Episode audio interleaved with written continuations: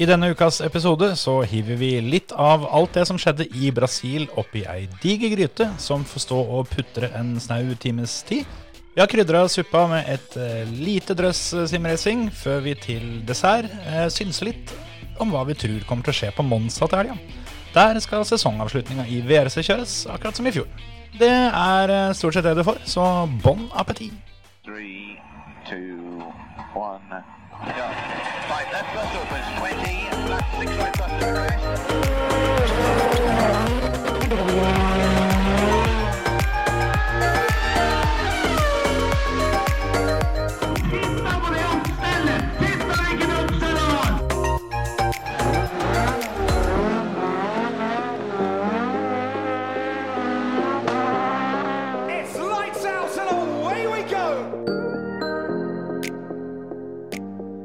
Velkommen til en ny episode av eh, Føremøtet. I dag har vi mye vi skal gjennom, så vi må rett og slett bare kjøre i gang, Terje. Ja, må det. Vi Du venta et knips eh, lenger enn vanlig i dag? Gjør jeg det? ja? Ja. Siden vi hadde dårlig tid, så måtte vi ta et, et knips til lenger. Måtte ta sats, vet du. Ja, ja. Tenkte det at uh, i dag må vi liksom opp i sånn derre eh, De som har sånn podkast av, avspiller med 1,25 speed. Der må vi, da. Der er vi da.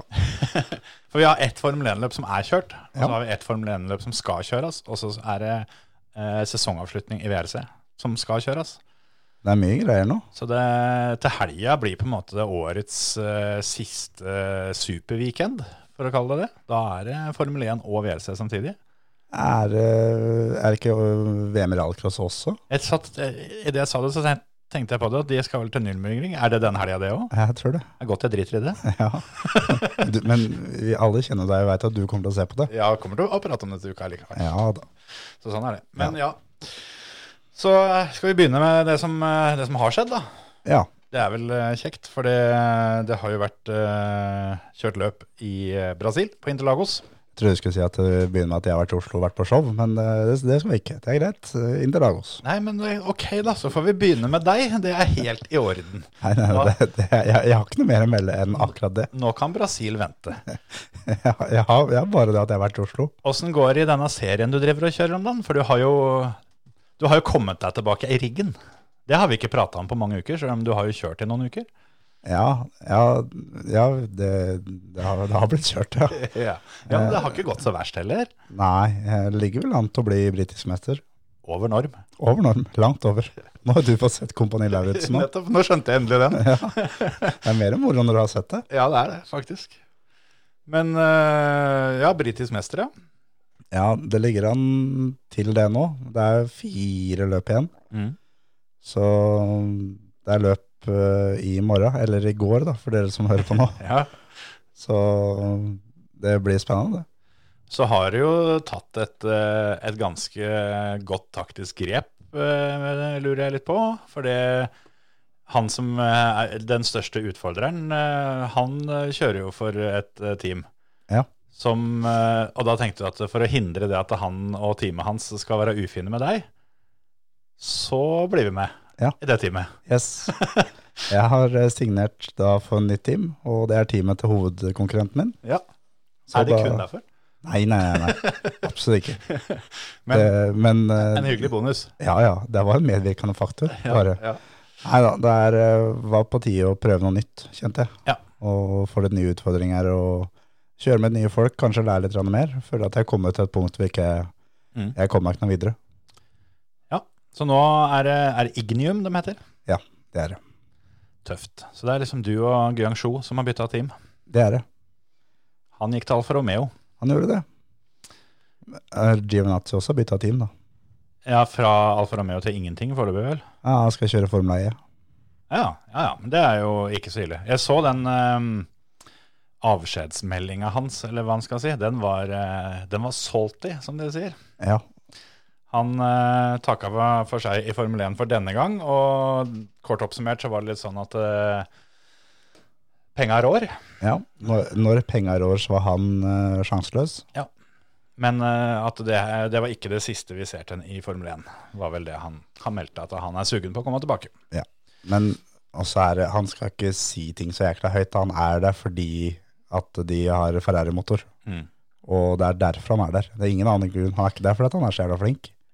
Nei, det, sjøl om han, eh, han har kommet seg, men det er jo sånn som vi har snakka om folk som vi har ment at ikke har vært så veldig flinke før, at eh, når du får, eh, når du får kjøre en 15-20 løp i året, så skulle det bare mangle at ikke det er en viss progresjon.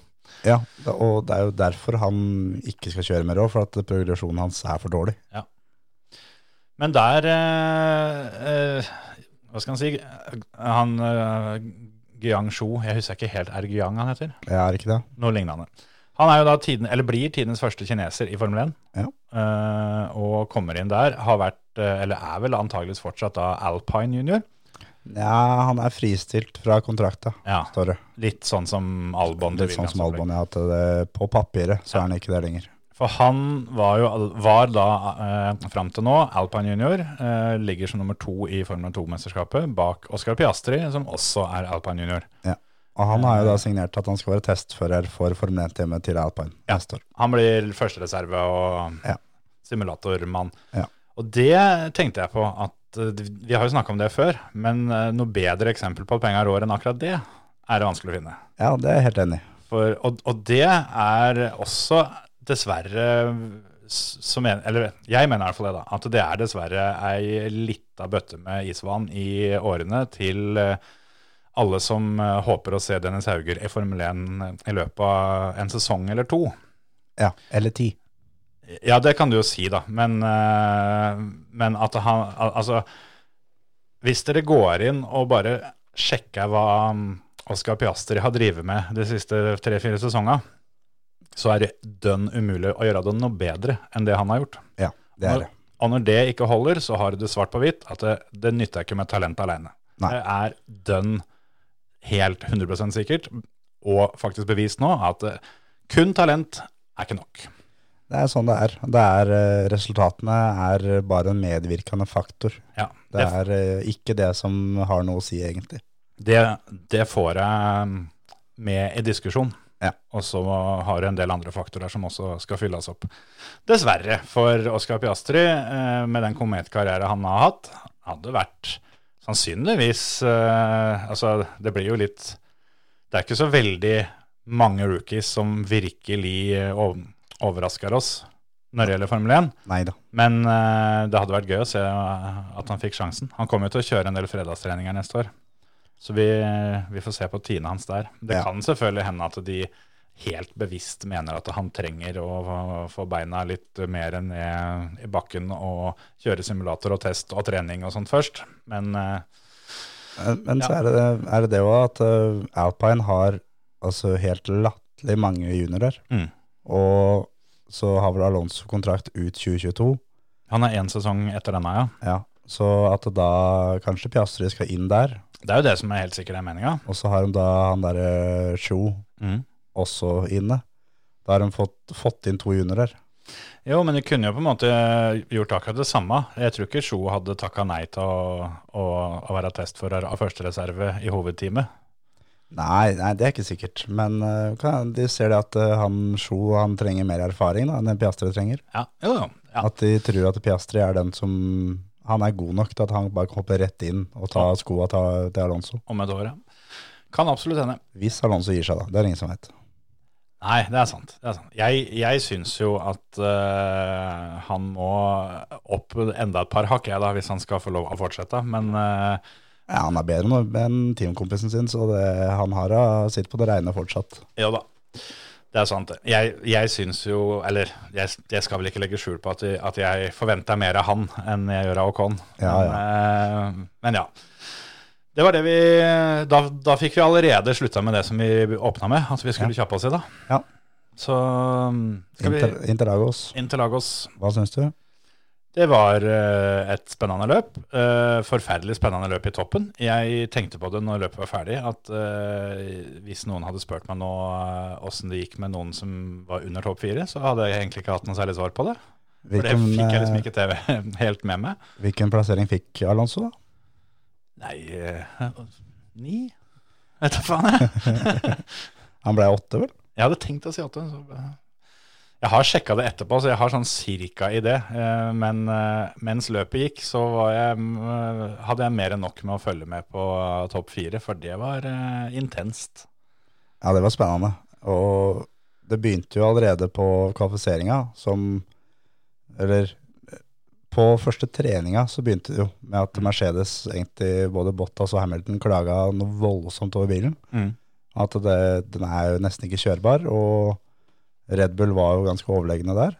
Ja. Og da tenkte jeg at da blir det sånn som vi så for oss på forhånd, at det her blir Red Bull-show, og så får Mercedes uh, spille andrefiolin. Mm. Og så kommer vi til kvalen, og da er bare Hamilton Han er overlegen. Helt overlegen. Han vinner med den største marginen i Q3 som har blitt gjort hele sesongen. Ja. Og det her ser da plutselig ut som at da Nå er det muligheter igjen, da. Nå kan det her bli et jævla kult løp. For Mercedes i Mexico var bedre på kval. Mm. Og så blei Hamilton diska etter kvalifiseringa, som DRS-åpninga var 0,2 millimeter for stor. Mm. Ifølge Mercedes, riktignok. Ja, det står det i den derre um, Å, ah, ja. være planka. 0,2 millimeter. Ja, for han, han var ikke for stor før de la litt trøkk på den. Nei, Så, Nei, for det er, er en 10 newtonmeter eller noe sånt. ja, ja. Så ja. I hvert fall 0,2 millimeter er, eh, det er fryktelig lite. Ja. Men det er jo det er for mye. Det er, ja, det er jo det, det. Så han måtte jo da starte bakerst i sprintkvalifiseringa. Ja. Hadde allerede tatt uh, ny motor, så han får fem plasser eh, straff. Så om han hadde vunnet sprintkvalifiseringa, så hadde han da starta fem i, hoved, i, ja, seks i hovedløpet. Mm. Og altså, Bottas har jo vist at Mercedesen er ikke det råeste å kjøre forbi med Nei, tidligere. men et lite spørsmål der. Det er ikke, det er ikke sikkert det er, er noe svar, men det kan hende de som hører på vet. Men jeg mener av det at de her straffene har blitt gitt i sprinten tidligere i år. At det har vært grunnen til at de har valgt uh, sprintløpa, sånn som jeg lurer på om det var på Monza, som Bottas tok uh, en hel masse straff, og så begynte han bakerst i sprinten, kjørte seg en del opp, sånn at han ikke starta så langt bak allikevel. Jeg vant ikke Bottas sprinten da på Monza òg. Ja, kanskje det var det andre hvor- jeg, jeg, jeg, tror det er, var den andre de hadde. jeg tror det er fordi at det er sprint, at da kan de komme seg opp eh, Ja. de plassene de får jo straff etterpå. De kan liksom uh, kjøre en veldig aggressiv uh, taktikk, da, og så komme seg opp fem plasser. Jo, men sånn som for Hamilton, da, hvis han ikke hadde hatt en bakvinge-issuen, og han hadde vunnet sprinten sånn som han sånn som han kanskje ville gjort, da, Mm. så hadde han jo, hadde han jo fått de fem. Så da, da, da hadde det jo ikke gitt noe fordel for han å ta, ta den motorstraffa i et løp hvor det var sprintløp. Nei, på en måte, men de, sånn som Mercedes nå tar jo da for at eh, Interlagos er en bane som det skal være mulig å få kjørt forbi på. Ja da, ja det er jo.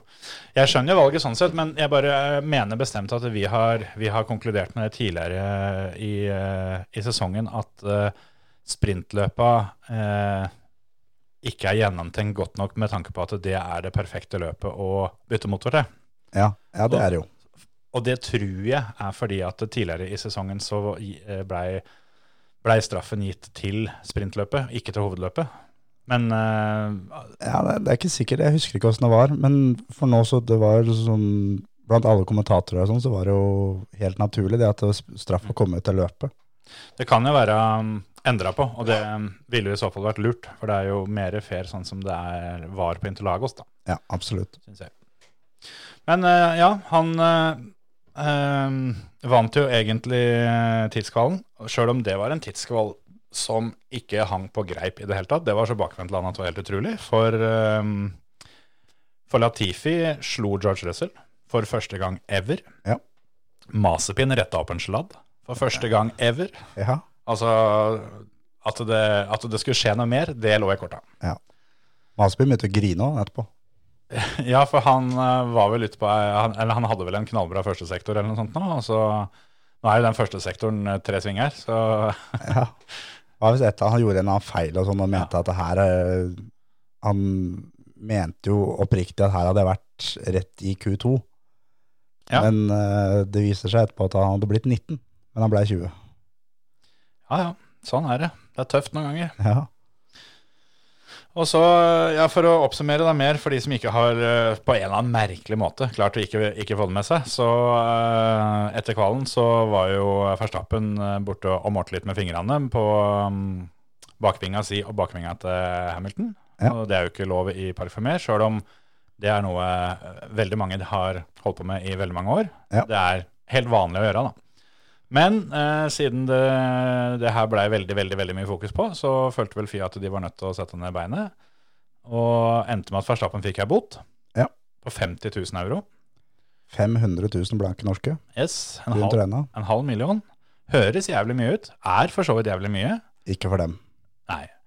Hvor mye Skal vi se hvor kjapt det er i huregning. Hvis du tar Verstappens lønn, han tjener 25 millioner i året. Euro, altså. Mm. Hvor mye er 50 000 euro for han? Hvor mye tilsvarer det for en som tjener en helt uh, snittlønn i Norge? Som jeg tror snittlønn er ca. 500 600 000.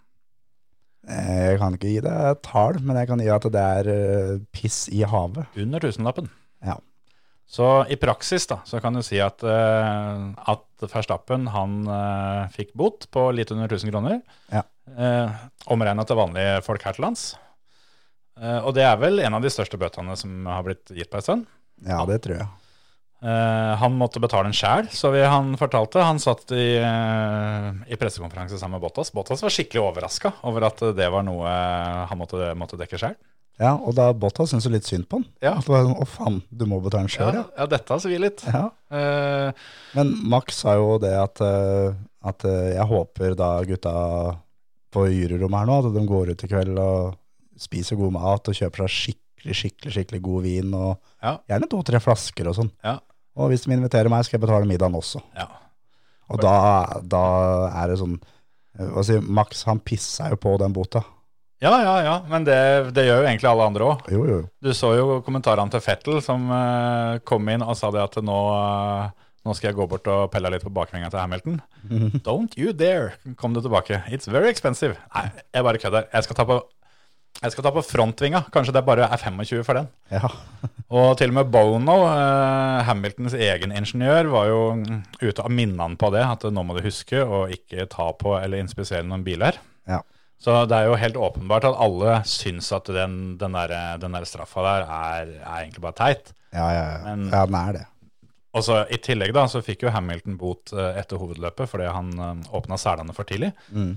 Uh, endte Var ikke det 4000 euro i bot? 5000 euro, 5000 euro, ja. en tiendedel. Så det er altså ti ganger så ille å eh, kikke litt på en bil i Park Fermé som å kjøre uten seler. Ja. Gratulerer med dagen, Fia. Eller ta på en bil. Ja, ja. Og da mm, For eh, kikke er lov. Nei, det, det, det står spesifisert. Du har Not allowed to inspect in any way. Ja. Så du må, du må kikke på skoa mens du går ut. ja. Så deilig. Så det, det er jo De har sikra seg, så har de, har de lyst til å ta seg en god middag en kveld, så er det bare å finne en eller annen og få gitt bot, og så er det i orden. Ja, ja. Men ja. Eh, det er vel ikke så mye mer å si fra kvalen. Eh, Hamilton, som du sier, han var eh, over sekundet foran eh, Jeg tror det var Science på P7. Ja. Eh, et sekund fra første til sjuende. I, i, I Q2 så var det et sekund fra han til sjette. Jeg tror det Mm. var Science Dow, faktisk. Ja, Eh, det var Hamilton, han var altså så overlegen. Ja. Og hadde da ny motor som ga ganske mye ekstra krefter. Det er én ting, men hva si, det, det skal kjøres allikevel. Og ja, ja, ja. det er det jeg syns er så kult med det her, at eh, vi har hylla det når Red Bull eh, har vunnet på Mercedes-baner. Mm. Sånn som Paul eh, Ricard i Frankrike. Ja. At, at det liksom Red Bull klarte å ta dem der. Ja. Og når da Mercedes De har veldig sjelden gjort sånne ting. At de har tatt Red Bull på Red Bull-baner. Det har liksom vært egne baner som ok, her er en Red Bull som vinner. Det er helt greit. Ja. Og sannsynligvis er det Hamilton som kanskje klarer å følge dem, men han kan ikke slå dem. Nei. Og nå, når hun da har fått vridd om helt på det, Ja. da er det, det er sånn et resultat som er totalt uventa. Ja, ja. Da er ja, det er enda kulere. Ja, jeg er helt enig. Det så ikke den komme, for å si det sånn. For det, i den grad Mexico var eh, en Red Bull-bane, så skulle denne her, i hvert fall være det. Ja. Uh, og de var fortsatt, de som i, hadde Red Bull, var fortsatt kjappere i sektor 2, som egentlig er hele banen. Ja. Mer eller mindre, fra sving 4 til sving tolv, 12, som som er siste svingen, eller noe sånt nå. Ja, noe sånt. Eh, sektor 1 og 3 er jo da stort sett sletter. Men i, i sektor 2 så var Red Bull ganske klart bedre. Men i sektor 1 og 3 så um, tapte de såpass mye at uh, Bottas var vel forholdsvis jevn med de, mens Ja. Hamilton med den ferske motoren var veldig mye bedre enn de. Jeg så en ting fra sprintkvalifiseringa på speedtrappen i Ennasletta. Ja. Den som er dårligst, vet du om det er? Nei, Verstappen da. Bottas. Bottas, ja. Flott. Nei, han er sist. Masbin er to. Altså da i toppfart. Ja, Det er ganske sjukt. Men så er også at. Bottas lå jo først, da. Han har ikke noe hjelp, ingenting. nei. Men uh, allikevel så Så var det Mercedesen gikk fælt, men den hadde veldig bra traction. Altså for å få kreftene i bakken ut av, ut av svingene. Ja. Og det var der de henta mye fart ut av siste svingen, ved at de fikk eh, rett og slett de fikk grep på bakhjula. Det endte jo med at Hamilton kjørte seg fra siste, 20.-plass, eh, til femteplass på de 24 rundene de, eh, de kjørte. Det er rett og slett ganske sjukt. Ja, det er faktisk noe av det sjukeste jeg har sett på lang tid i Formel 1. Jeg, jeg syns jo at Altså, en skal ikke ta bort noe fra Hamilton, men om han hadde, om han hadde blitt nummer fem eller ti der, og starta nummer ti eller 15 han etter, hadde ikke spilt noen rolle. Han hadde vunnet uansett. Ja, det tror jeg. Han hadde Altså, det er det, altså det, si det? det må ha vært den deiligste helga Hamilton har hatt i en løpsbil noen gang. Ja. For det, det aller feteste som er, er jo å kjøre forbi folk. Mm. Det fikk han gjort plenty. Så er det litt sånn som eh, når, når, du, når du kjører bilspill eller spiller Fifa eller et eller annet mot en som er dårligere enn deg. Mm. At du kan gjøre akkurat hva du vil. Det er akkurat det. Og det kunne jo han, da. For hans bil var faktisk så mye bedre. Sjøl om en del av de der tidelene er jo han. Ja, ja, ja, For all, for all del. Men det var liksom ikke noe eh, Jeg, jeg syns faktisk at han har, han har hatt bedre prestasjoner før. Sjøl om på papiret så vil jo denne her stå igjen som noe av det sjukeste i historien. Det, det som jeg syns er så sjukt, er at eh, vi har hatt uh, Verstappen, som har ligget bak i feltet og skal jobbe seg opp, Mm. uh, og ikke klart det. Han er, I Sotsji så kom han seg til sju- sjette-sjuende, Mm. og der stoppa det i grunnen. Da er det ikke noe vei videre oppover. Uh, Bottas har prøvd mang en gang, og det som er forskjellen på Hamilton og, og dem, er at uh, sånn som i sprinten, så lå Hamilton bak um, Ricardo, eller om det var Lando, som han ligger bak og får ikke til, kommer seg ikke forbi. Mm. Neste runde så tar han bare et annet spor, og Mm. han, han legger om kjørestilen sin etter hvem han er bak. Og det, det gjør, altså Max og Bottas, de, de lå bare bak der og klaga at jeg kommer meg ikke forbi, jeg. den bilen foran, den går for fort. Jeg, jeg, jeg har ikke mulighet til å klare å kjøre forbi den. Tror ikke du finner, finner mange sånne situasjoner med Max eh, i løpet av året, men eh, Nei, Sotsji er jo da igjen, da. ja, som han ble nummer to, ja. Fordi at det begynte å regne og han traff på dekkstrategien på slutten, men han kom seg til sjuende før det, og Ja. lå der og kom seg ikke videre oppover. Ja, men da starta han i 20, så det var jo ikke så jævla lenge han lå på sjuende, akkurat. Nei, men det var jo det var jo der han lå, da de siste delen som du så som at det er det han blir, for han kommer seg ikke lenger opp. Nei, nei men det, det veit vi jo ikke, da. Åssen det der, der kunne, kunne gått hvis ikke.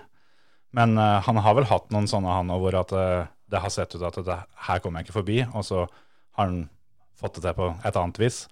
Sånn som når det var vel i det løpet han ble nummer ni, når han kjørte med skada bil. Jeg husker ikke. Da når han eh, drev, kjørte forbi på ytteren der, sånn, han tok vel Ricardo på jeg, jeg lurer på om det var den banen eh, Kan det ha vært Ungarn? Der som Hauger òg hadde, hadde den der sinnssyke yttersvingforbikjøringa som alle Mm. tok av på. Ja, det kan stemme. Jeg tror det var samme svingen. Han, han har hatt noen sånne, han òg. Men, men ja, det er, det er fælt få, da. Og det er jo sånn som vi har snakka om, at det er jo noen på den griden som er i en egen liga.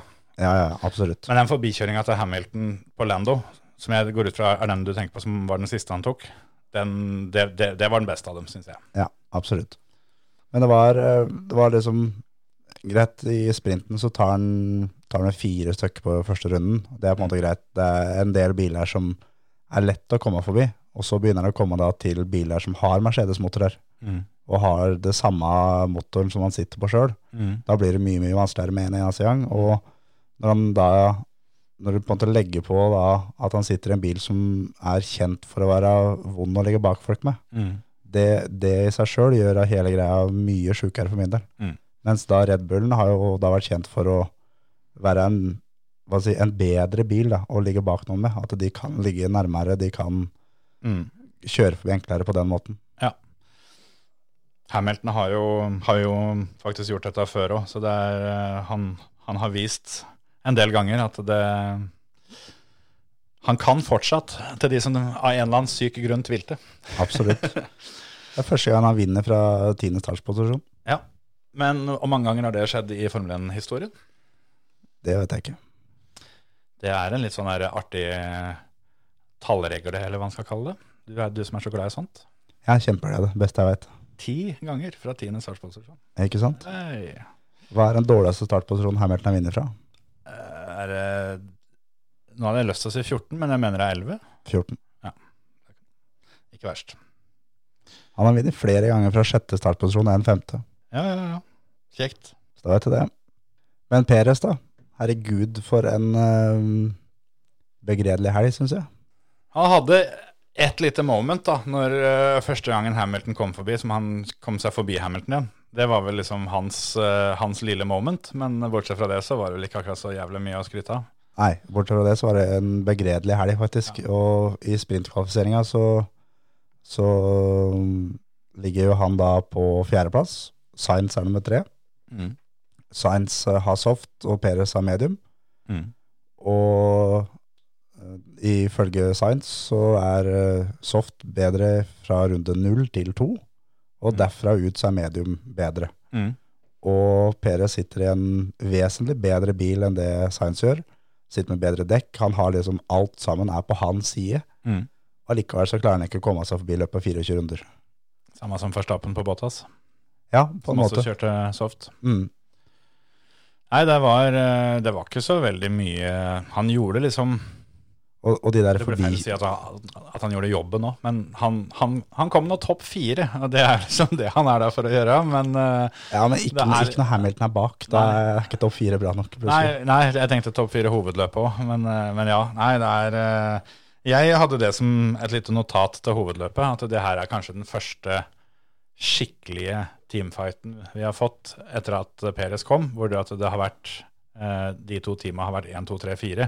Og hvor alle fire bilene har vært i, eh, i skikkelig spill, da. Mm. over tid. Og Peres Perez hadde vel antageligvis blitt nummer tre hvis ikke det hadde vært for den virtual safety-karen som uh, ga Bottas et billig pitstop. Men uh, han ender nå uansett som nummer fire. Han gjør det.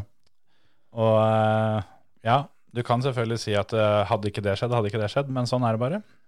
Det er eh, sånn det er. Visste du at eh, Bottas eh, nå har eh, flere pole positions enn det Hamilton har i år?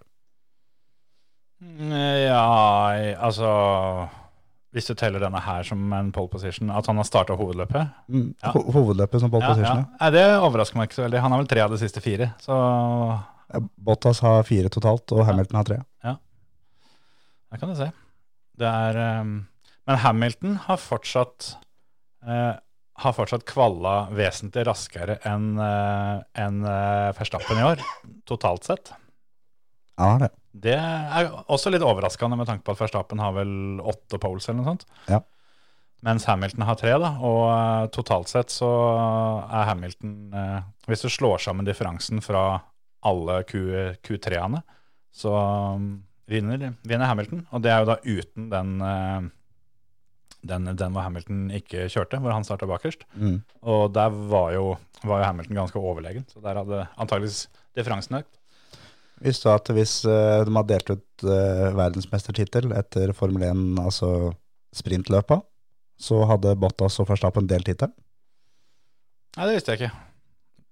Begge, begge to har sju poeng etter sprinten, eller sprintløpa da. ja. Lewis Hamilton har to, Ricardo har ett, Sainz har ett.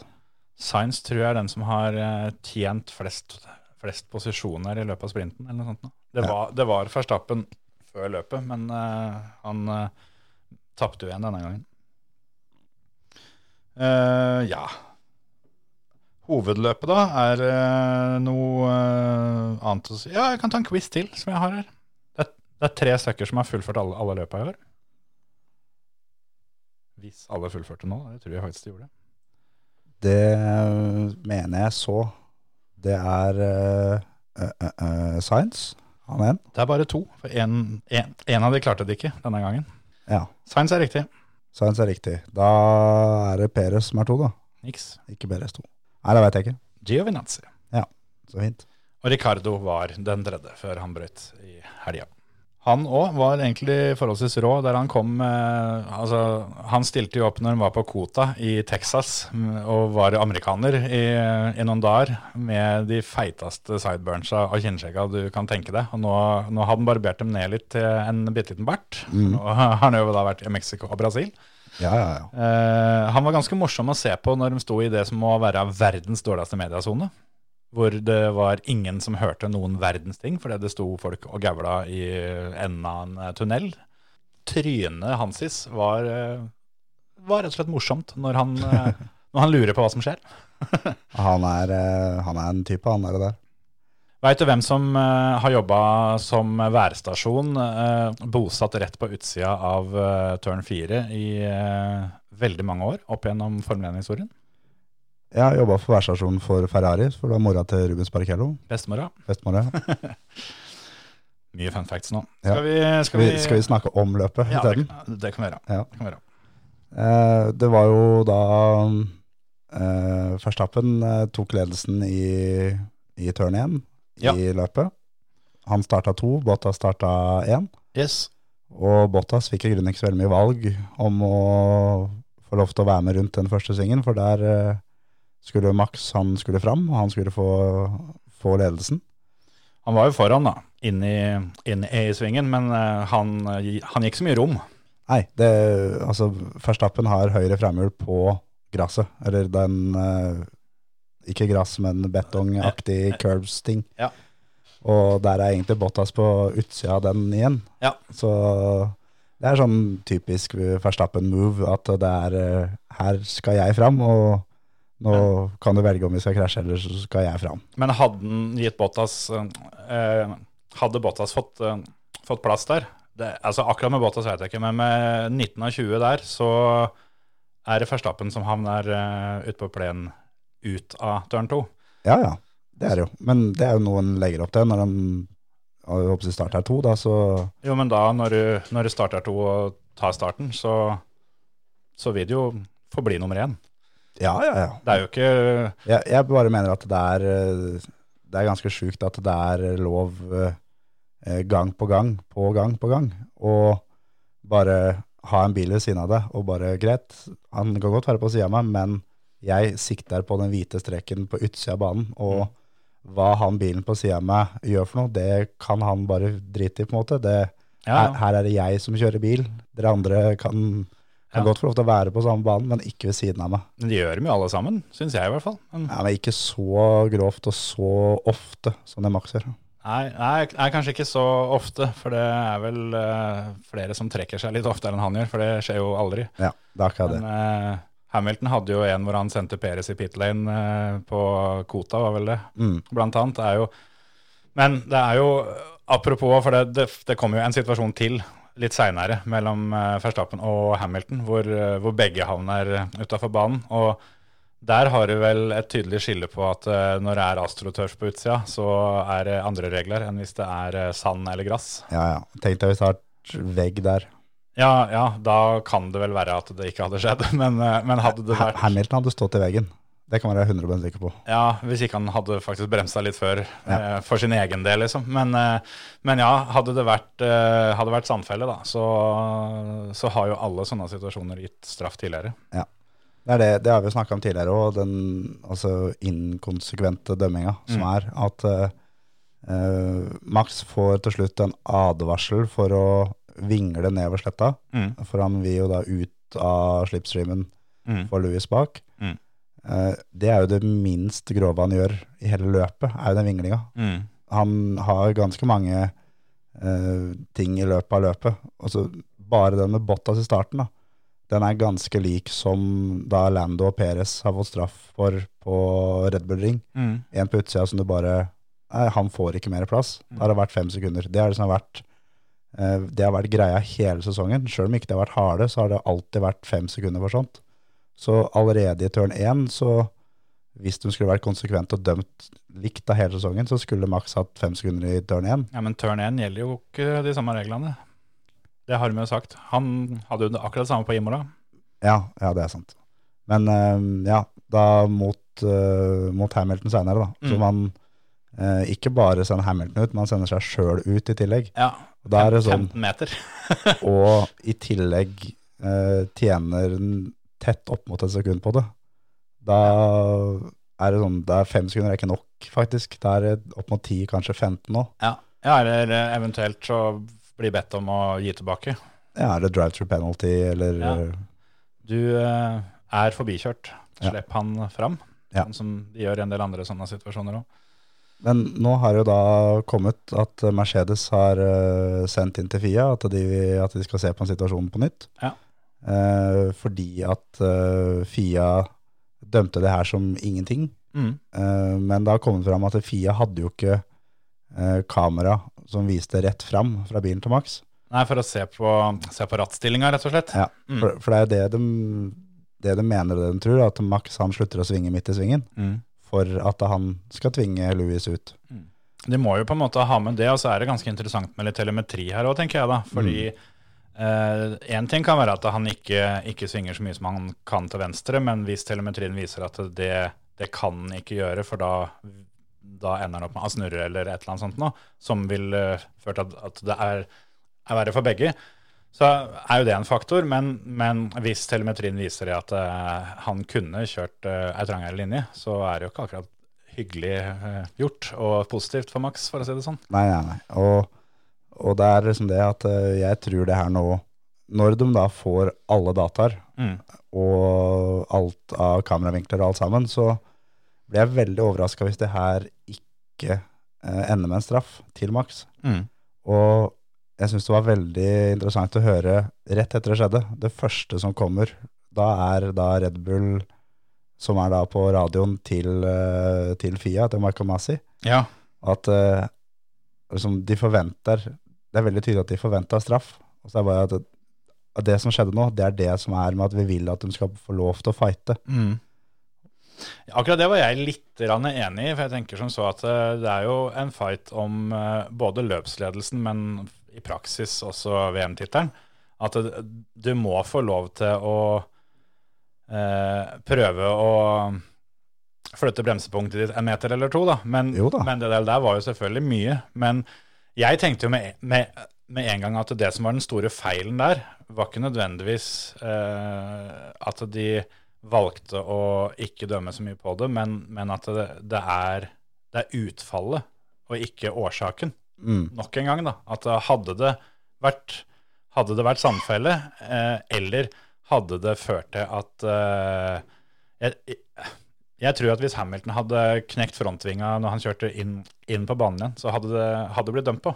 Ja. Og det, siden det gikk bra med begge, og vi ender opp med at de er 1-2 sånn som de var før svingen, så, så tenker de at ja, ja, no harm done. Mm. Og, og, og det er det jeg mener er feil, da. At, Og, eh, og så mener jeg det, er, det blir så feil at uh, det skal være formildende at det er Hamilton og Max. Det, jeg mener at det skal bli dømt nøyaktig likt om det er de to, eller om det er ja, ja. Eh, Mazepin og Schumacher, da. Som, Ja, er- ja, som er bakerst i Ja, feltet. Ja, ja, ja, absolutt. Jeg, Og det, Jeg- det er jeg ganske sikker på at det, det Si det hadde vært de to, så hadde det blitt delt ut en straff der og da. ja, hvis det hadde vært eh, Eller Givenazzi Ja, ja, ja, og ja. Stroll, da. internt i, i teamdueller, så har det vel aldri blitt dømt av en eller annen syk grunn. Ja. Selv om, ja, det, det er en annen sak. Men ja, jeg er jo helt enig. Jeg tenkte mer bare at eh, jeg, jeg forstår Red Bull sin sak, selv om den er jo sleip som faen. Ja, ja, ja. Men jeg forstår det for at det er et, et argument som på en måte spiller litt på det at husk nå at nå sitter det mange millioner å se på. Don't fuck it up med å avgjøre den sinnssyke kampen vi har nå, med en straff. La, la dem holde på. Og med det så veit vi jo selvfølgelig at det er til vår fordel om de hører på oss. ja, ja. Men Det blir jo det blir litt sånn som Martin Svanke og Kenneth Hansen på Lyngås for mange mange år siden, Ja, som ja. det legendariske klippet finalen der sånn. ja, de fikk lov å gjøre hva de ville. Ja, ja, de burde hatt svart flagg seks-sju ganger hver i løpet av finalen, liksom. Som dommerne bare ble enige om at de ser ikke på flagget allikevel, for de fikk jo svart flagg. Ja, ja. Men de gjorde ikke noe med det. de dreit i det. Så greit, la dem kjøre og holde på. Ja. Og det er jo kult. Det blir jo kule TV-sendinger av det. Ja, ja. Men det er liksom litt sånn at eh, er, er, en, er en kul TV-sending viktigere enn å faktisk gjøre det likt hver gang? Ja, og at det skal være fair. Ja. Nei, jeg, jeg, jeg sa jo det til deg òg, at det her vil overraske meg litt hvis Max uh, slipper straff. Og eh, det mest komiske med alt var jo at det først kom opp en, uh, en beskjed om at, uh, at dommerne hadde fått med seg situasjonen. Den, den var noted, som det heter. Mm. Og så kom det opp seinere at det eh, var no investigation needed. Hvorpå Michael Masi, som ikke er jury, men som er løpsleder, eh, forteller over radioen da til Mercedes at de vi har sett på det og kommet fram til at vi ikke skal se på det. Ja. Så det blir sånn no, no investigation needed after an investigation. Ja, det er akkurat det. Og det er jo litt komisk. Men jeg trodde jo at de hadde rett og slett funnet ut det at uh, det var en eh, Kall det racing incident fordi at Hamilton kanskje ikke hadde klart svingen uansett. Det veit vi jo ikke. Det, det kan jo hende. Og hvis det var tilfellet, at begge to bare gutsa så hardt at begge to uh, kokte det litt for hardt, da, så tenkte de at ja, ja, greit, da, da er det faktisk no harm done. Men uh, jeg trodde og forventa at Max skulle få på den der. Ja, absolutt. Og så er det at de har jo Det var jo et, en kameravinkel som var der fra starten, eh, ja. fra bilen til Hamilton. At han er nødt til å Han er nødt til å slutte å svinge midtveis fordi Mm. bilen til Max eh, Sånn det ser ut for meg, at han da slutter å svinge. Mm. Og da Hamilton er helt nødt til det, han òg. Og det er ikke noen tvil om at det er fordel Max hvis det blir kontakt. Ja, absolutt. Så- det, for Max sin del så burde de egentlig ha krasja skikkelig. Eh, Det, det, det hadde faktisk vært bedre for Max hvis det hadde gått som på Imola, at begge hadde blitt stående. Men, eh, men ja, jeg Altså, Hamilton havna jo 40-50 meter utafor banen. Men det kan jo fortsatt hende at han hadde havna fire meter utafor banen, for, for å si det sånn. Men, men det får vi forhåpentligvis svaret på nå, sjøl om jeg, jeg, jeg, jeg var ikke klar over at denne var at, at Mercedes hadde bedt Fia om å se på det på nytt før du sa det til meg, nå rett før sending. Men jeg syns jo det er litt komisk, i og med at det har vært så eh, veldig fokus på, og gjentatt eh, spesielt av Toto Wolff, at eh, vi skal avgjøre dette på banen, ikke hos juryen. Ja, jeg, jeg så en kommentar på det der i stad, om det var fra Hamilton eller om det var fra Toto, at uh, nå har de på en måte gjort det hele tida, og liksom vi tar på banen, Mm. og uh, ja, prøvd seg på den taktikken da, og fått eh, hva sier, slag i trynet hele sesongen fra Red Bull, som er da hos dommerne, litt sånn familien Hansen i rallycross, er hos dommerne hele tida. Og jeg husker ikke hvem av dem som sa det, men altså, greit, da får vi jo begynne sånn da. Da, da får vi sette hardt mot hardt, og så får vi se Mm. hvem som kommer lengst med det. Det var jo ingen hemmelighet at uh, i hvert fall Toto Wolff syntes at uh, bakvingestraffa var, eh, var eh, tull. Eh, og det er jo han som hovedsakelig har gått ut med den der at vi, vi tar den på banen. Og han har en del utbrudd i løpet av helga som for meg så er det i hvert fall ganske åpenbart at dette begynner å gå inn på han, og at han har, han har kanskje hatt det litt for greit de siste åra. At dette her sånn går litt under huden på han, altså. Ja, jeg tror det. Jeg syns det er litt kult. Ja, ja. Han som er en sånn østerriksk halvmaskin, eh, er litt, eh, litt deilig å se litt ordentlige følelser for han, faktisk. Men, men eh, ja, Hamilton sa jo i, eh, i eh, intervju på pressekonferansen en stund etter løpet òg at han, han hadde ikke noe spesielt å si om den situasjonen. Så han opplevde det jo um, tydeligvis ikke så voldsomt ille som kommentarfeltene rundt om gjorde, da. Men det er jo selvfølgelig ikke å forlange heller. Men Nei, nei, nei. Det, det er akkurat det. At han tror jeg si, han eh, visste nok at det her som kom til å bli gjort noe med etterpå, og vil ikke gjøre ting bedre eller verre av å si for mye om det. mm. Skal vi eh, egentlig runde av litt der, eller? Eh, jeg har ikke så Jeg orker jeg ikke drive og, og begynne på det der eh, Hamilton og det der Brasil-flagget eh, etterpå, for det syns jeg var så teit at jeg orker ikke. Jeg syns det var dritkult, det. Men det er greit, vi trenger ikke å ta det. Men vi kan kåre en vinner av konkurransen vi hadde. Det kan godt. satt Peres raskeste runde på siste runde, eller nest siste? Aller siste, ja. Helt siste? Mm. Ja, da er det én som har uh, 100 av 100. Oi. Eh, Lasse Berg Hagen har, eh, for konkurransen var hvem har raskeste runde, Ja. og det er bonus hvis du treffer på runden. Ja. Eh, han har skrevet Peres siste runde. Som den eneste til å skrive Peres og siste runde. Vi har flere på Peres. Mm. Men eh, han vinner da, fordi at han treffer på runden også. Ja, det kan vi godt si. Er det, er det mange som har Peres, eller? Nei da. Nei. Det er det ikke. Nei. Men det er flere. Det er flere. Men eh, Lasse Berg Hagen, send oss eh, brukernavnet ditt på Kulbeth, og du får en oddsbonus av oss. Det er riktig. det er riktig. Skal vi trekke pusten og gå videre til Qatar og Monza? Ja. Du hører på Førermøtet, Norges beste motorsportpodkast. Hva skal vi ta først? Qatar er vel fortest gjort. Ja. Jeg tror ikke banen er ferdig ennå. Nei, det er vel ikke den. Er ikke det den der eh, i Saudi-Arabia som de driver og bygger? Nei, jeg trodde det var Qatar, Ja. Nei, Qatar tror jeg er den der motorsykkelbanen, eller, eller den som har blitt kjørt MotoGP på mange ganger. Som, Ja, det, det kan er, det. som det er én knøttliten tribune, som tilsvarer omtrent eh, en tribune til en sånn sjuende divisjonslag i fotball i Norge. Ja. Jeg tror i hvert fall det, altså. Jeg mener det er Saudi-Arabia som driver og bygger. Ja, det kan hende. Men eh, det er vel, altså hadde det vært Qatar, så de er jo opptatt med å bygge fotballstadioner. For de skal jo ha fotball-VM om ikke så veldig lenge, og er ikke akkurat ferdig med det. Nei, nei, nei. Men eh, hva gjør vel en eh, Ja, noen tusen arbeiderlik, bare de blir ferdig. nei, nei lenge det ser fint og flott ut. Sånn er det vel fort vekk med banen i Saudi-Arabia òg. Det er vel bare å køle på, koste hva det koster vi. Jeg blir overraska hvis banen ikke er ferdig, for å si det sånn. Det er vel ikke mer enn en er det, det er bare ei, ei uke pause, så skal vi dit, vel?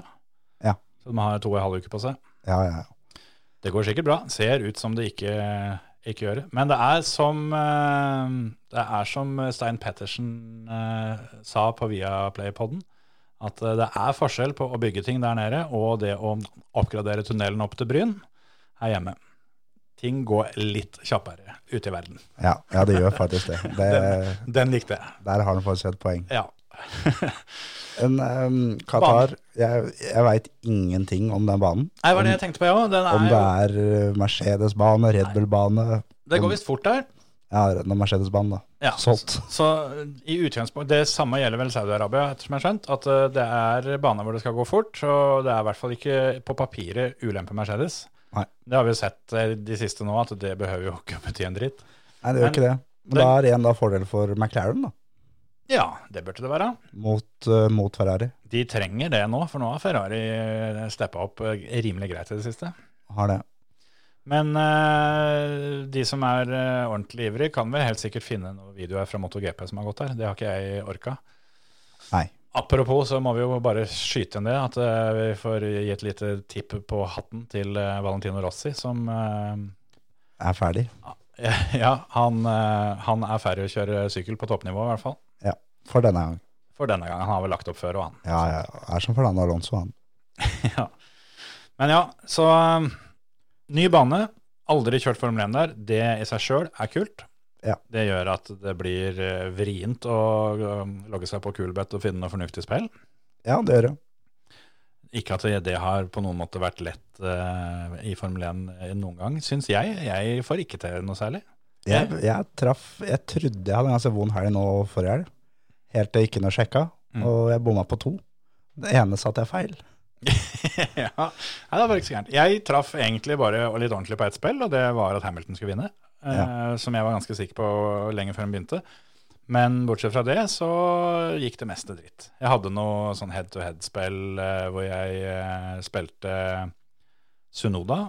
Han brøt vel Eller Ja, han er langt bak i hvert fall. ja, ja, ja. Krasja med stråler her. han. Ja, han havna baki, og så spilte jeg mot Kimi, siden han skulle starte fra pit lane. Så tenkte jeg da kan jeg spille han helt eller mot han. Han må jo ha kjørt Altså, han er i slaget for tida, altså. Kim er i draget. Jeg lanserte jo han som kandidat til Driver of the Day eh, forrige, forrige løp, og nå uh, igjen, da, så sørga han for at alle oddspillerne mine på Kulbeth gikk eh, lukt til helvete. Ja, ja. Må aldri spille mot Kimi, vet du. Nei, jeg må kanskje lære meg det. Han, det blir fort med han som eh, Sordo i WC. Jeg skal holde meg langt unna. Ja. Snart er jeg kvitt begge to. Yes. Men uh, siden det er nytt løp og greier, skal vi mm, tippe pallen? Ja, det kan vi gjøre. Det blir jo eh, interessant det nå, som ikke vi har noe å gå på. Ja. Skal du først, da? Yes. Uh, Hamilton, Bottas, uh, Gasly. Ok, jeg tar eh, Hamilton, Verstappen, Science. Den er ikke dum. Den er egentlig litt fin.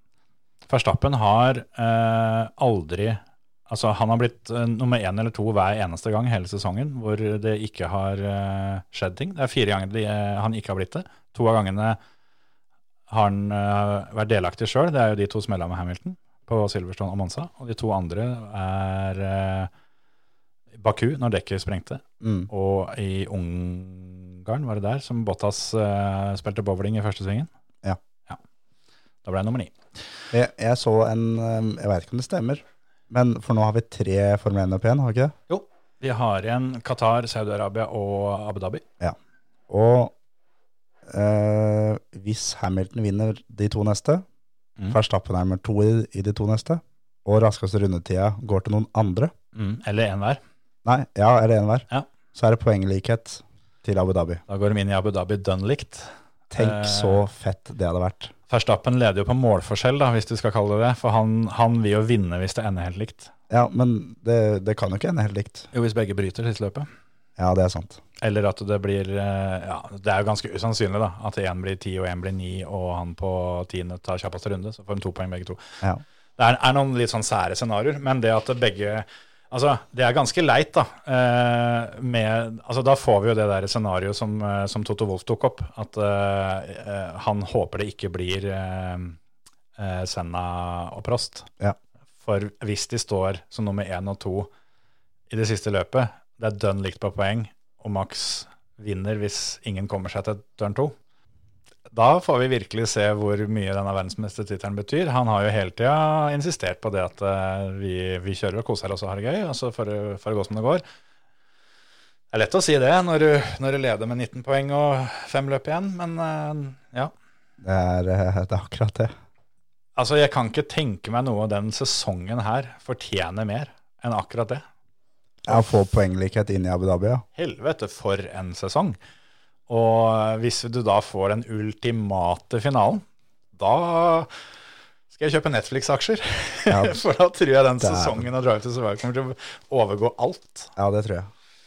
Det er, det er så kult. Jeg, jeg digga det litt at, uh, at Hamilton uh, var bra denne helga her, fordi alt tyda jo på forhånd på at det var Verstappen som skulle vinne. Og, og det ville betydd at da hadde Verstappen på en måte hatt et løp til gode. For da hadde han leda så mye med at da kunne han brutt et løp. Ja. Da, da ville han garantert leda VM etter neste runde, uansett hva som hadde skjedd. Det er mye mer spenning nå, da. Og det, det, det er deilig. Hva er det som er så kult med Hamilton? Eller som er kult med Hamilton? At det er når det er sånn nå eller aldri, Mm. da er han alltid der. Ja, det er veldig sjelden aldri. Det blir stort sett nå. Ja. Så han, Det er jo det som kjennetegner de virkelige mesterne. da, At Ja. når, når det brenner på dassen, så driter du ferdig før du slokker. Du, Yes. du har en jobb å gjøre, og det, det skal gjøres. Ja. Men eh, skal vi gå over til um, en annen Formel 1-bane, men som du skal kjøre rallybiler på? Har du sett noe på noe odds til Qatar-løpet, eller? Eh, ja, litt. Ikke så veldig mye. Jeg har spilt Gassly til å bli topp seks. Ja. Den er ikke gæren, den, altså. Fikk den til 2,20. 2,20 står den i, C. Det, det er faktisk ikke dumt i det hele tatt. Science står til 1,75 for eh, det samme. 1, eh, 1,75 for topp 6 der. Det er litt sånne ting en må spille på. Og så er det som vi har nevnt tidligere de siste ukene, at du må være litt forsiktig med å spille for mye før du veit hvem som skal bytte motor ikke. Ja. Nå er det vel lite som tyder på at eh, Hamilton og Verstappen skal gjøre det. Ja. Ricardo skal. Han skal. Han må. Han må faktisk, ja. Det må vel Strål òg. Ja, veit ikke. Strål brøyt med mm, Eller Ricardo brøt motorras. Ja, jeg mente Strål også gjorde det. Da var det Ricardo de mente. da, for jeg, jeg mente det var, at det var Strål de sa at det var den første Mercedes-motoren som havarerte i år. Men eh, det kan være Ricardo for all del. Men uansett eh, så er det vel faktisk eh, Mercedes sitt første ras. Ja. Og det er jo egentlig noe som eh, mange har venta litt på, for det har jo ikke vært noen hemmelighet at de har en, de har en svakhet som gjør at de, de blir slitt Ja. fort. De gjør det. Så spørs det hvor nervøse de andre Mercedes-motorene blir av sånt. Ja. Men det er Hamilton som er favoritt på Kulbeth. 1,75 til å vinne løpet. Verstappen av 2,25. Er ikke noe sånn revolusjonerende. Det er sånn det har pleid å være. Ja, Det er det. Det er derimot mer interessant å se på oddsen for VRC-løpet i Monza, så vi kan jo flytte oss over dit. Hvem eh, tror du tar dette? Det er jo det store der er jo altså Det er vel egentlig det eneste, er jo duellen mellom Sebastian Ogier og Elfin Evans om å bli verdensmester. Akkurat som det var på Monza i fjor. Ja. Det er vel er det, det er ikke så sjukt at den av de som vinner, vinner. Nei, det er det ikke. Men uh, for å bli verdensmester, så burde de vinne, begge to. Hvis Ogier vinner, så blir han verdensmester. Ja. Altså Hvis han kommer foran Elfin Evans, så er han verdensmester. Ja. Det er uh, enkelt og greit. Og um, Og- Og jeg tror litt det at det her er eh, siste løpet til eh, i en full sesong. Og han kan gå ut av det her som, som verdensmester hvis han vinner. mm, Det er et asfaltløp som passer ham bra. Ja. Det er eh, et knotete asfaltløp Ja. som passer Toyota bra. vant i fjor. Det gjorde også. Mm. Så jeg har allerede spilt på Skier til å vinne det løpet her. Jeg sjekka det nå. Hvis Ogier kommer på pallen, så vinner han VM. Ja. Hvis han blir nummer fire, så må han ta en fjerdeplass eller mer på Power Stage. Ja. Hvis han blir nummer fem, så må han ta annenplass eller vinne Power Stage. Ikke sant? Det er det som trengs hvis eh, Evans scorer maks. Ja. Men så er det jo litt det at hvis Evans da ikke vinner, men blir nummer to, så hold Altså, alle poeng Evans taper, er poeng Augier vinner, da, i, Ja. i den sammenhengen her. Så um, Men jeg tror vi får en jævlig fight. jeg blir ikke overraska hvis Evans eh, ikke fullfører i år heller, for eh, Altså, hvis han kommer seg gjennom første dagen og uh, ikke henger på, for å si det sånn, så er det egentlig kjørt uansett. Ja. Men det kan godt hende at han på dag én uh, satser så hardt, fordi han veit han må satse såpass hardt, at uh, dette går gærent. Ja, det kan hende. Det er mye sjikaner. Hele den første dagen, i hvert fall i fjor, så var det nesten bare sjikaner. Det var sånn derre Det er inne på banen. ja, opp, oppkonstruerte showetapper, nesten alle sammen, som er inne på Formel 1-banen og den gamle ovalbanen på Mansa. Og Thierry Neuville gjorde det i fjor. Traff ei sjekane. Da var det takk for, eh, takk for i år. Det kan fort skje i år. Men igjen, da, så det kan fort skje med Augier òg. Og Evans veit bedre enn noen andre at det går an å bryte det løpet der eh, på et eh, halvt sekunds uoppmerksomhet. Ja, ja, absolutt. Det er, eh, det er ti WC-biler som skal ut, og, ut på reggen. Det er eh, på en måte to nye navn i Hyundai. Mm. Temo Sunninen skal kjøre Hyundai WRC, og Oliver skal kjøre Hyundai WRC. Oliver kjører for 2C-teamet, Ja. og teamet tar eh, bilen til Tanak. Ja. Som ikke skal være med. Nei. Det var noe familieproblemer. Ja, et eller annet eh, familiært som gjorde at han eh, ikke får uh, kjørt løp. Vi får håpe det ikke er så alvorlig som det høres ut som. Og så satser vi på å se ham tilbake i Monte Carlo. Ja, Det må vi gjøre. Men eh, ja, Auxier har jeg som eh, min eh, my guy, rett og slett. 5,50 i vinnerodds er ikke så gærent. Det er, det er ganske kort løp, altså. 253 km. Ja, 25 mil med fart er ikke, er ikke det lengste, det, nei. Det er jo det de ofte gjør unna på en halv dag.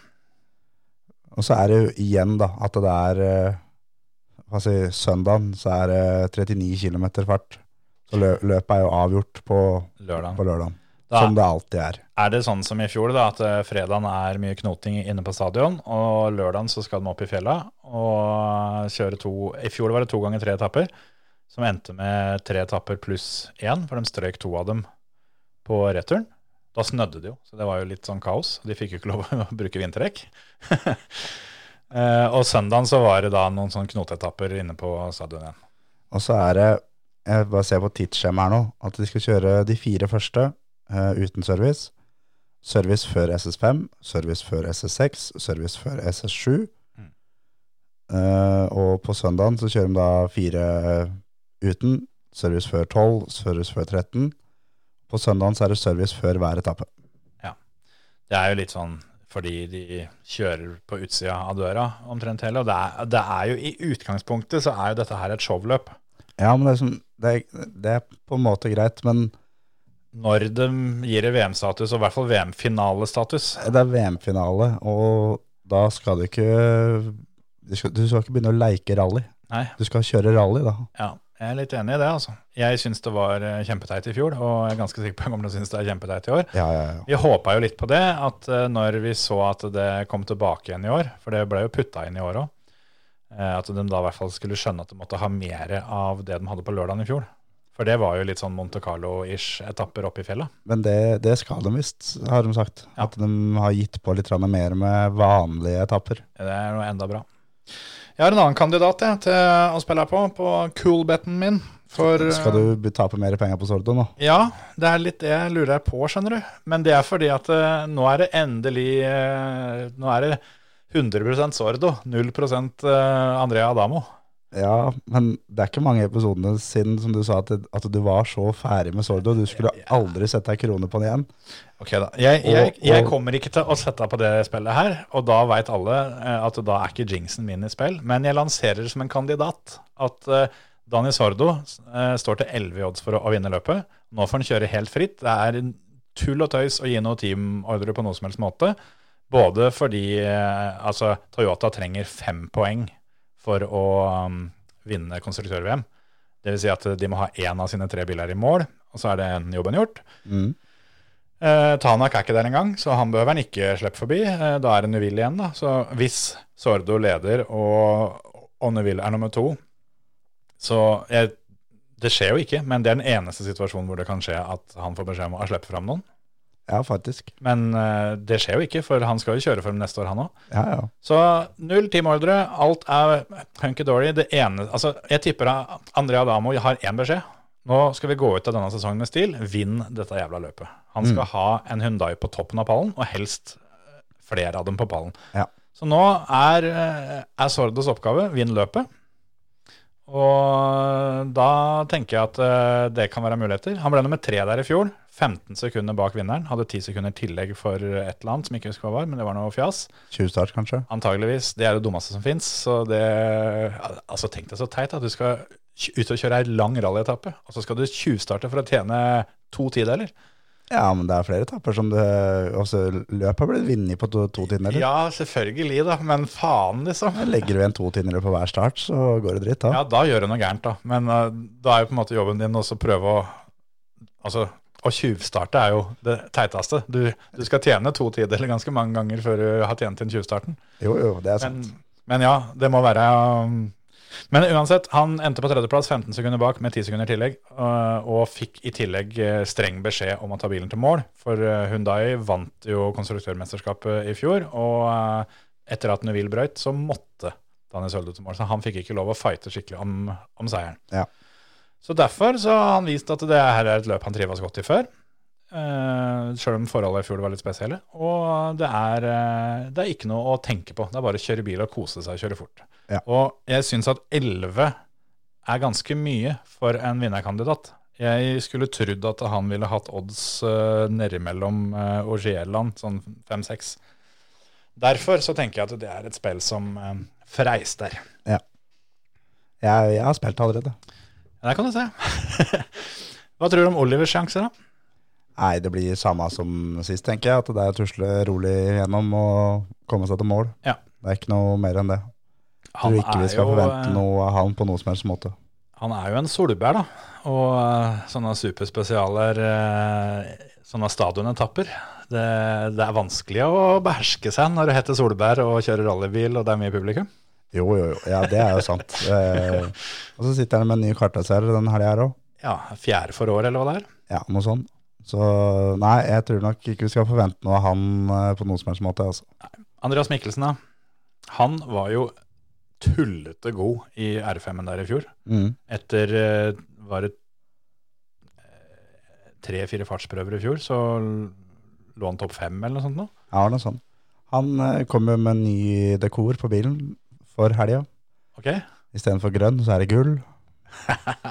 Han er allerede verdensmester. Han lånt gulljakka til Bakkerud? Det kan hende. Den tror jeg er så full av brennevin at den tror jeg, ikke, den tror jeg står sjøl. Den er brannfarlig å ha med seg. Yes. Nei, eh, han er nok en vinnerkandidat, han, ja. Skulle tro det. Han eh, kjørte i hvert fall tullete fort der eh, i fjor. Og eh, han var en del som brøyt i fjor, men han endte vel på en sånn sjette-sjuendeplass eller noe sånt totalt.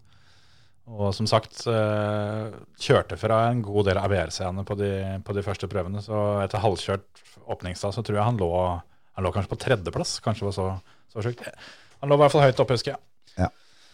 Skal vi tippe pallen? Ja, det kan vi godt gjøre. Din tur. Skal jeg tippe først, da? Eh, nei, det er jo ikke noe hemmelighet at jeg har eh, en god del kroner i spill på at Oshier blir verdensmester, så da, da skjer jo ikke det. Nei, Så, så da kan vi vel si at Elfen Evans vinner, da. Det var det sikreste spillet som var. Ja, men det, er, det var det. Det var det. Ja, ja. Nå står den til 1,05. Mhm. Jeg spilte den til 1,40. Så det sier litt. Ja. Men uh, Han bryter han på SSN. Bilen brenner opp. Ja, altså det, det verste er at han, han bryter sikkert med en sånn tullete greier òg. Enten eller så uh, ja, tjuvstarter og blir så stressa over det at han tar girkassa når han skal prøve å kicke den i gang igjen. Ja. Men øh, ja, derfor så må det da bli Evans, Nuville og uh, Sordo. Nei, jeg tipper Sordo foran Evans og Nuville. Sjæl så har jeg da eh, Oshier, Sordo, Sunnin. Du har trua på Sunnin? Alltid trua på Sunnin. Det har ikke jeg. Nei, Vi får se. Men for all del, han, øh, han må jo nesten prestere, da. For nå får han jo sjanse i en øh, Altså det som Det må vel sies har vært den beste bilen denne sesongen. Sjøl om den har ikke vært den mest stabile bilen. Ja. Det har vært den raskeste bilen. Så nå får han, nå får han kjøre den istedenfor Forden. Og nå har han sjansen til å vise at det var bilen det var noe gærent med, ikke han. Ja. Så han har jo, han har jo alt, å, alt å vinne, men ganske mye å ta på. Hvis det, hvis det, hvis det tusler rundt denne gangen òg, så Ja. er det ikke noe jobb å få neste år. Nei. Men uh, det er klart at når du får Monsa til å vise deg frampå, så Sant. Det kunne vært bedre. Ja. Og asfalt, som ikke er hans greie. Også et godt poeng. Men um, ja, det blir moro. Konkurransen denne gangen må jo, eh, må jo gå på å tippe vinnerne. Ja. Det må vel nesten det. Vinneren av Qatar, vinneren av Monza. Ja. Enkelt og greit. Mannen som står øverst på resultatlista i begge løp. Ja. Fyr det inn i kommentarfeltet vårt på Facebook. Kjør på, så skal vi dra på julebord. Det skal vi gjøre. Dæven skjære, jeg gleder meg. Så, så tenker jeg vi gir oss dag, for nå skal jeg ta en halstablett. Jeg tenkte på det, du er jo allerede sår i halsen. Dette her eh, kommer til å bli et legendarisk julebord. Dette blir fint. Litt Kosseland og flaske brennevin, så er jeg med. Åssen er Kåseland som blandevann? Det må vi finne ut på lørdag. Kommer til å finne ut det. Vi eh, håper at vi er i form til at vi kan snakkes til uka, folkens. Vi får se. Ha det. Hei.